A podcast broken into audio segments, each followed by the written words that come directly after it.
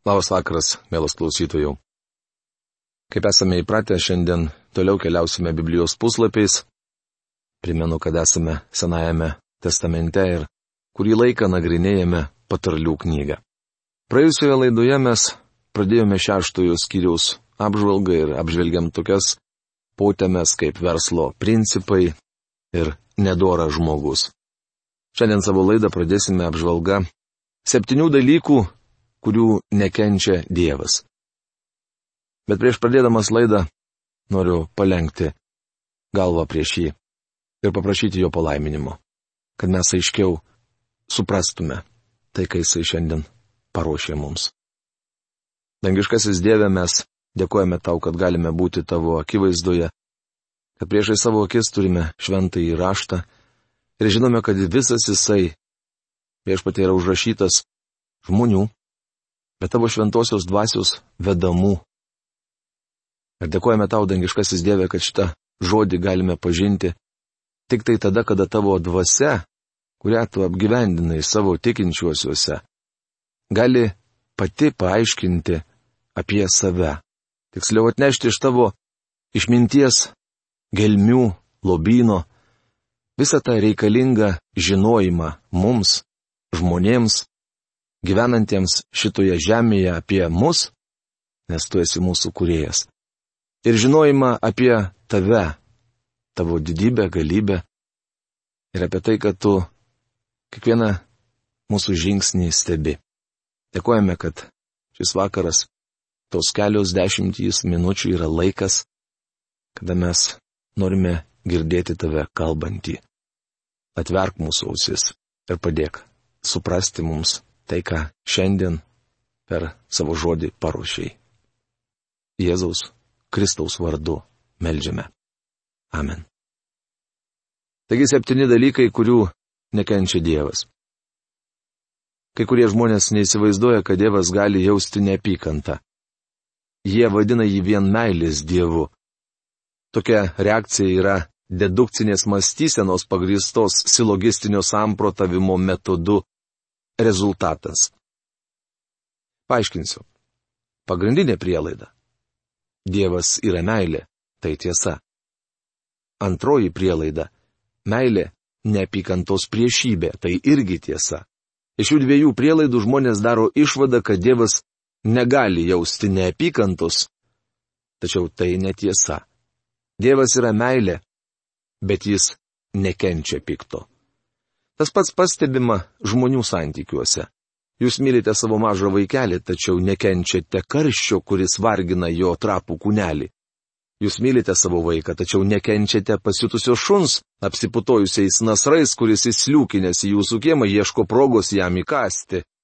Jei mylite savo atžalą, nekesite pasiutusio šuns.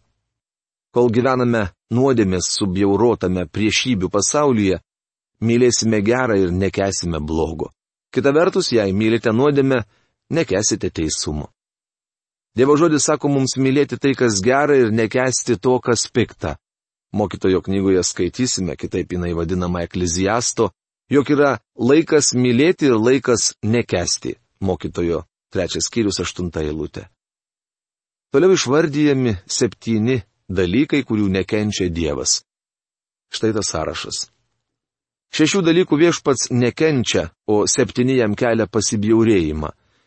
Išpuikusios akis, melagingas liežuvis, nekalta krauja lėjančios rankos, neduras pinkles rezganti širdis, piktą daryti skubančios kojos, neteisingai liudijantis melagingas liudytojas ir šeimoje vaidus siejantis žmogus. Patarlių knygos 6 skyriaus 16-19 eilutės. Dievas aiškiai sako, jog viso to nekenčia. Tad ir mums reikėtų įrašyti išvardytus dalykus į savo nekenčiamų dalykų sąrašą. Čia ne pirmas kartas, kai Dievas sako, jog kažko nekenčia. Pakartoto įstatymo knygoje skaitome neišventojo akmens.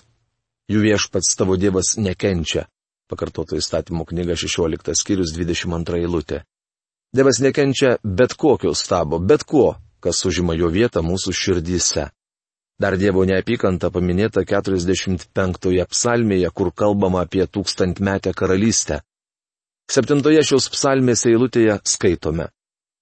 Tu branginikas teisu ir nekentikas nedora. Tai loginė seka, kaip diena keičia naktį. Apreiškimo knygoje skaitome tokius Dievo žodžius ankstyvajai bažnyčiai.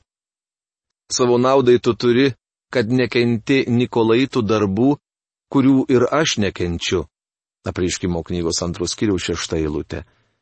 Matote, bičiuli, Dievas myli, bet kartu ir nekenčia. Tai tarsi nuostabus saldžiarūkštis kinų padažas. Dievas yra meilė, bet kartu ir neapykanta. Šventajame rašte tai pasakyta labai aiškiai. Skaičius septyni Biblijoje simbolizuoja netobulybę, bet pilnatvę. Dievas nekenčia šių dalykų, nes visi jie kūno darbai. Šie dalykai atskleidžia visišką žmonijos sugėdimą ir iškrypimą. Dievas užrašė, jog jų nekenčia. Jis neigia liberalios teologijos tezę, kad Dievas yra sentimentalus garbaus amžiaus senelis, kuris tik rauda ir nieko daugiau neveikia. Kad jis užmerkia akis žmonijos nuodėmėms ir toleruoja blogį. Kad jis atleidžia, nes jam neužtenka ryšto nubausti nuodėmę. Bičiuli Dievas sako, aš myliu, bet taip pat sako, aš nekenčiu nuostata, jog mes turime būti gailestingi nusikaltėliams mūsų krašte, ir daugelie kitų pasaulio šalių. Paplitusi dėl to, kad mums neužtenka ryšto įgyvendinti griežtą baudžiamąją programą. Tai gadina ir greuna mūsų visuomenę. Dievas nori nubausti kaltuosius. Jo negazdina viešoji nuomonė, jis nebėga išvykęs priešininką. Dievas nebailys. Jis sako, jog kaltasis neišvengs bausmės. Dievo įsakymai nelaužomi ir nepakeičiami. Dabar išsameu aptarsime šios Dievo neapkenčiamus dalykus. Pirmas. Išpuikusios akis. Tai savęs pervertinimas ir kitų niekinamas, kitaip tariant, puikybė. Tai ta širdies mintis, tas žvilgsnis ir veido nugrėžimas, tas akių blizgesys, kuriuo norima pasakyti, aš geresnis už tave. Dievas sako, aš to nekenčiu išpuikusios akis į šį sąrašą įrašytos pirmiau negu žmogžudystė ir girtauklystė. Dievas nekenčia išpuikusių akių. Keista, kad šiandien bažnyčiose į išpuikusias akis niekas nekreipia dėmesio. Ar žinote, kad pirmasis atviras nuodėmės veiksmas danguje, pirmoji nuodėmė, buvo didybė? Kitado šetonas, Luciferis, aušros sunus, tarė savo širdyje. Užlipsiu į dangų, viršum Dievo žvaigždžių, iškelsiu savo sostą. Atsisėsiu ant kalno, kur renkasi dievai, pačiuose šiaurės pakraščiuose, užlipsiu ant aukščiausių debesų ir prilyksiu aukščiausiajam rašoma Izaijo knygos 14 skyriaus 13-14 eilutėse. Tais Edeno sode prisertino prie žmogaus ir tarė, būsite kaip Dievas, taip rašoma pradžios knygos 3 skyriaus 5 eilutėje. Įdomu, kad visi psichologiniai sutrikimai, psichosomatiniai, negalavimai ir kiti nenormalumai turi bendrą šaltinį. Ar žinote šių lygų priežastį? Tai pilnavertiškumo stygius, tai noras būti svarbiu tam tikrų padėties simbolių siekimas. Vienas iš tokių simbolių - nepriklausomybė nuo Dievo. Tai noras būti pačiam savo Dievu. Savęs sudėvinimas. Štai kodėl žmonėms primtinas išgelbėjimas darbais. Mažas žmogelis mėgsta sakyti, aš pats užsidirbsiu išgelbėjimą. Viską padarysiu pats, tad tavęs Dieve man nereikia. Visai nebuvo būtina, kad tavo sunus už mane numirtų. Kai ateisiu pas tave, turėsi pasislinkti, nes aš už tave neprastesnis. Aš atsisėsiu šalia tavęs. Bičiuliai, išgelbėjimas darbais tai yra psichiškai nesveikų žmonių prasimanimas. Dievas priešinasi išpuikeliams ir gerbė nuolankiuosius. Jis sako, jog pažemins pasipūtelius. Dievas kalbėjo Jobui. Taip pažvelk į kiekvieną išdidų žmogų, pažemink jį, sutrypk nedorelius, kur jų yra. Jobo knyga 40 skyrius 12 eilutė. Vardydamas palaiminimus kalno pamokslę viešpats Jėzus sakė, palaiminti turintys vargdienio dvasę, jų yra dangaus karalystė, rašoma Mato Evangelijos 5 skyriaus 3 eilutėje. Psalmininkas rašo, Viešpatė, mano širdis neišdidi ir mano žvilgsnis neišpuikęs, nesiekiu didelių dalykų, to, kas prašoka mano jėgas. 131 psalmės pirmos eilutės citata. Mums reikia nusižeminti ir sakyti, Dieve silpnas, negaliu to padaryti. Man reikia tavęs. Neseniai mačiau, kaip vienas jaunuolis prisijungė prie grupės jaunų žmonių. Jis buvo didelis išpuikęs kūdikis. Norėdamas pritapti prie savo sėbrų, jis tik prisijungęs prie jų ėmė keiktis kaip jūreivis. Aš pagalvojau, vargšas berniukas, koks jis apgailėtinas bandydamas įtikti kitiems. Kodėl jis paprasčiausiai neteina pas Dievą ir neišsako jam visos tiesos? Žmogaus psichologija persisunkusi falšu. Jam kur kas geriau būtų kartu su psalmininku pasakyti Dievui, viešpatė mano širdis neišdidi, nenoriu būti nenuoširdus, manyje nėra jokio teisumo. Visavertę asmenybę žmogus tampa tik tuo met, kai ateina pas Dievą ir priima jo išgelbėjimą. Paklausykite, ką Dievas kalbėjo per Izaiją. Aš rūpinuosi žmogumi, suvargusiu ir besisielujančiu, drebančiu nuo mano žodžio. Rašoma Izaijo knygo 66 skyriaus antroje eilutėje. Jei ateisite pas Dievą su tokia nuostata, jis jūs priims. Dievas nekenčia iš puikusių akių. Antra, dar Dievas nekenčia melagingų liežuvio. Ar kada atkreipėte dėmesį, jog Biblijoje kur kas daugiau kalbama apie piknaudžiavimą liežuviu negu apie piknaudžiavimą alkoholiu. Piknaudžiavimas liežuviu būdingas visų rasių ir tautų žmonėms. Šiandien daug kalbama apie kalbų, dar kitaip vadinamų liežuvių judėjimą. Taip, šiandien šis judėjimas labai aktyvus. Ar žinote, koks tai judėjimas? Melagingų liežuvių pliauškėjimas. Tai baisu. Psalmininkas tikriausiai Davidas rašė, neapgalvojęs sakiau, Visi žmonės melagiai.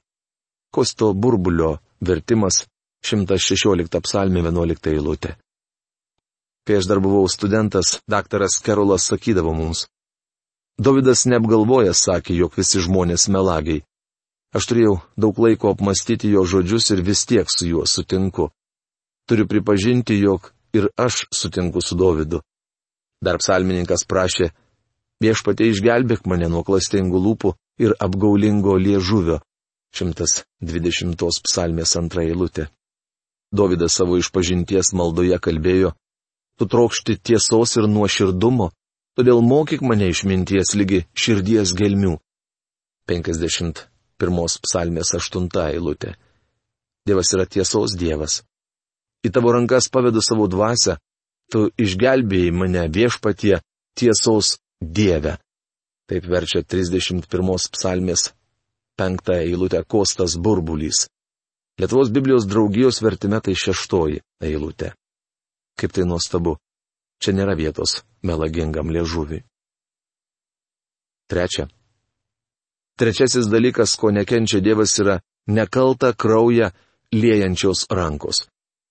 Žmogžudys yra ypatingai šlykštus ir atgrasus tiek Dievui, tiek žmonėms. Dievas sako, jog žmogžudys privalo būti nubaustas, nes atimė kito žmogaus gyvybę, kuri pasak dievų yra šventa. Šiandieninė nuostata yra visiškai priešinga. Žudikas atėmęs gyvybę kitam stoja prieš teismą, bet čia staiga imama branginti žmogžudžio gyvybę.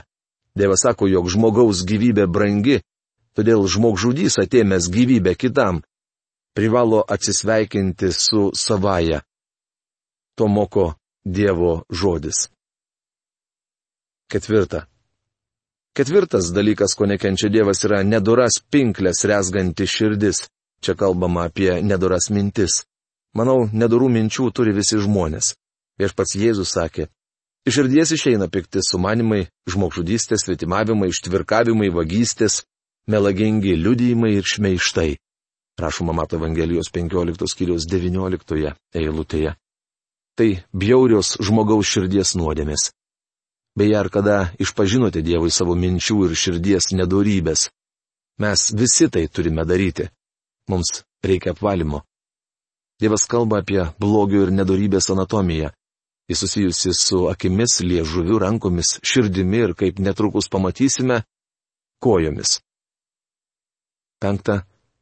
Pikta daryti skubančiaus kojos.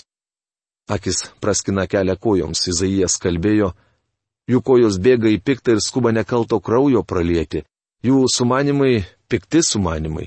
Sunaikinimas ir pragaištis jų vieškeliuose. Verčia profesorius Algirdas Jurienas Izaijo knygos 59 skyriaus 7 eilutę. Viso to Dievas nekenčia. Šešta. Neteisingai liudijantis melagingas liudytojas. Melagingi parodymai šiandieną taip tol nėra retas dalykas. Regis tai viena iš dažnų nūdienos nuodėmių. Tačiau Dievas nekenčia neteisingų parodymų. Septinta. Šeimoje vaidusėjantis žmogus. Mūsų viešpaties palaiminime atsiskleidžia pozityvioji šio aspekto pusė. Palaiminti taikdariai, jie bus vadinami Dievo vaikais, rašoma Mato Evangelijos 5 skyriaus 9 eilutėje. Vaidus sėja ne tik politikai, bet ir daugelis kitų žmonių. Tokių žmonių yra jūsų kaiminystėje, o gal net jūsų bažnyčioje. Gali būti, kad toks žmogus yra ir jūsų šeimoje. O gal tas žmogus jūs?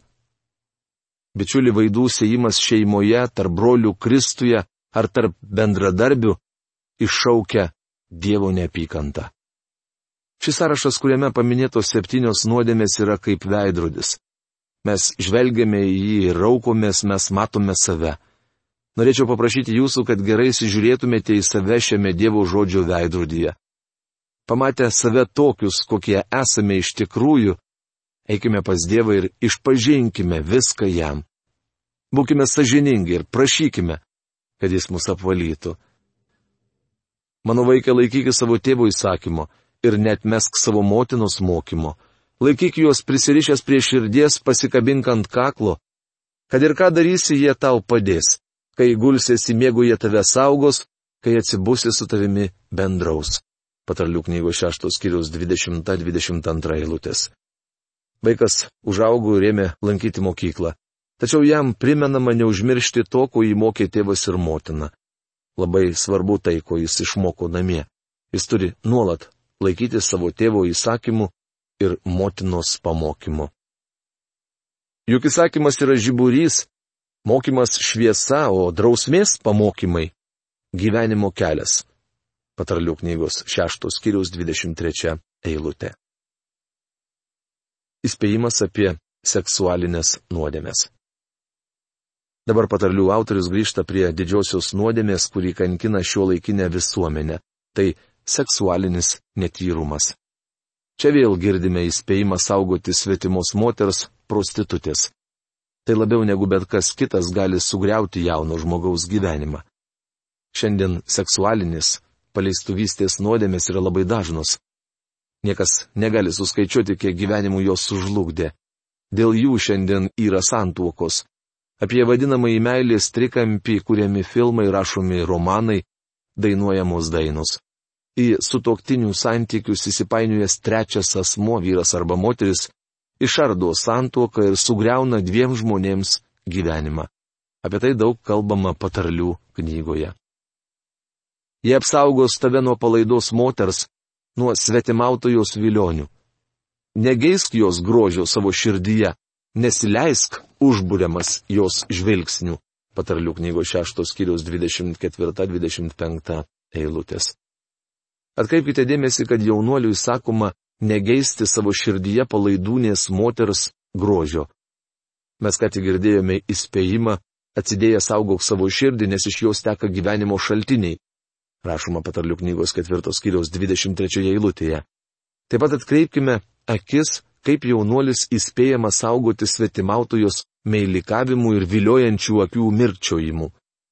Jėzus kalbėjo, jūs esate girdėję, jog buvo pasakyta nesvetimauk, o aš jums sakau, kiekvienas, kuris gaidulingai žvelgia į moterį, jau svetimauja savo širdimi. Rašoma Mato Evangelijos 5 skyriaus 27-28 eilutėse. Nes kekščiai atlyginti užtenka duonos kepalo, o svetima žmona yra spastai žmogaus gyvašiai. Patarlių knygos 6 skyriaus 26 eilutė. Kiek vyrų pakliūva į šios pastus. Manau, mes apstulptume sužinoję, kiek mūsų šalyje yra kabinetinių žmonių.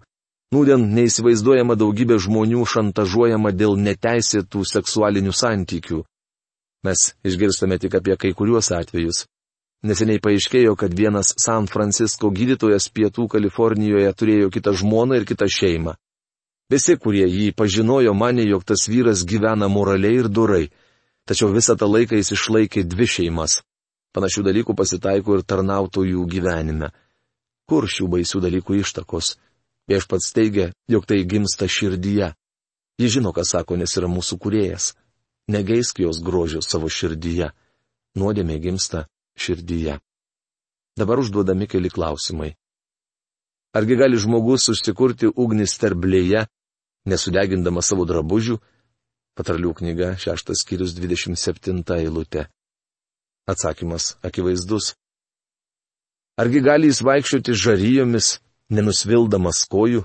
Patarlių knygos šeštos skyrius 28 eilutė. Taip, kai kurie fanatikai bando vaikščioti karštomis žaryjomis, tačiau visuomet nusvyla padus. Nors, tiesą pasakius, yra ir išimčių, nes velnės irgi turi galę, nors ir ribota. Taip nutinka žmogui, kuris miega su savo kaimyno žmona. Kas ją paliečia, tas neliks nenubaustas patarlių knygos šeštos kiriaus 29 eilutė. Paleistuvis susitraukia kaltę. Jis neturi jokio pasiteisinimo. Toliau mums pateikiama iliustracija. Žmonės neniekina vagies, kuris būdamas alkanas vagia, kad numalšintų alkį, patarlių knygos, šeštos kiriaus 30 eilutė. Jei žmogus vagia norėdamas numalšinti savo alkį, mes jį užjaučiame. Neseniai mano bendruomenėje vienas vyras buvo suimtas už vagystę. Paaiškėjo, kad jis augina kelis mažus vaikus, kurie alksta.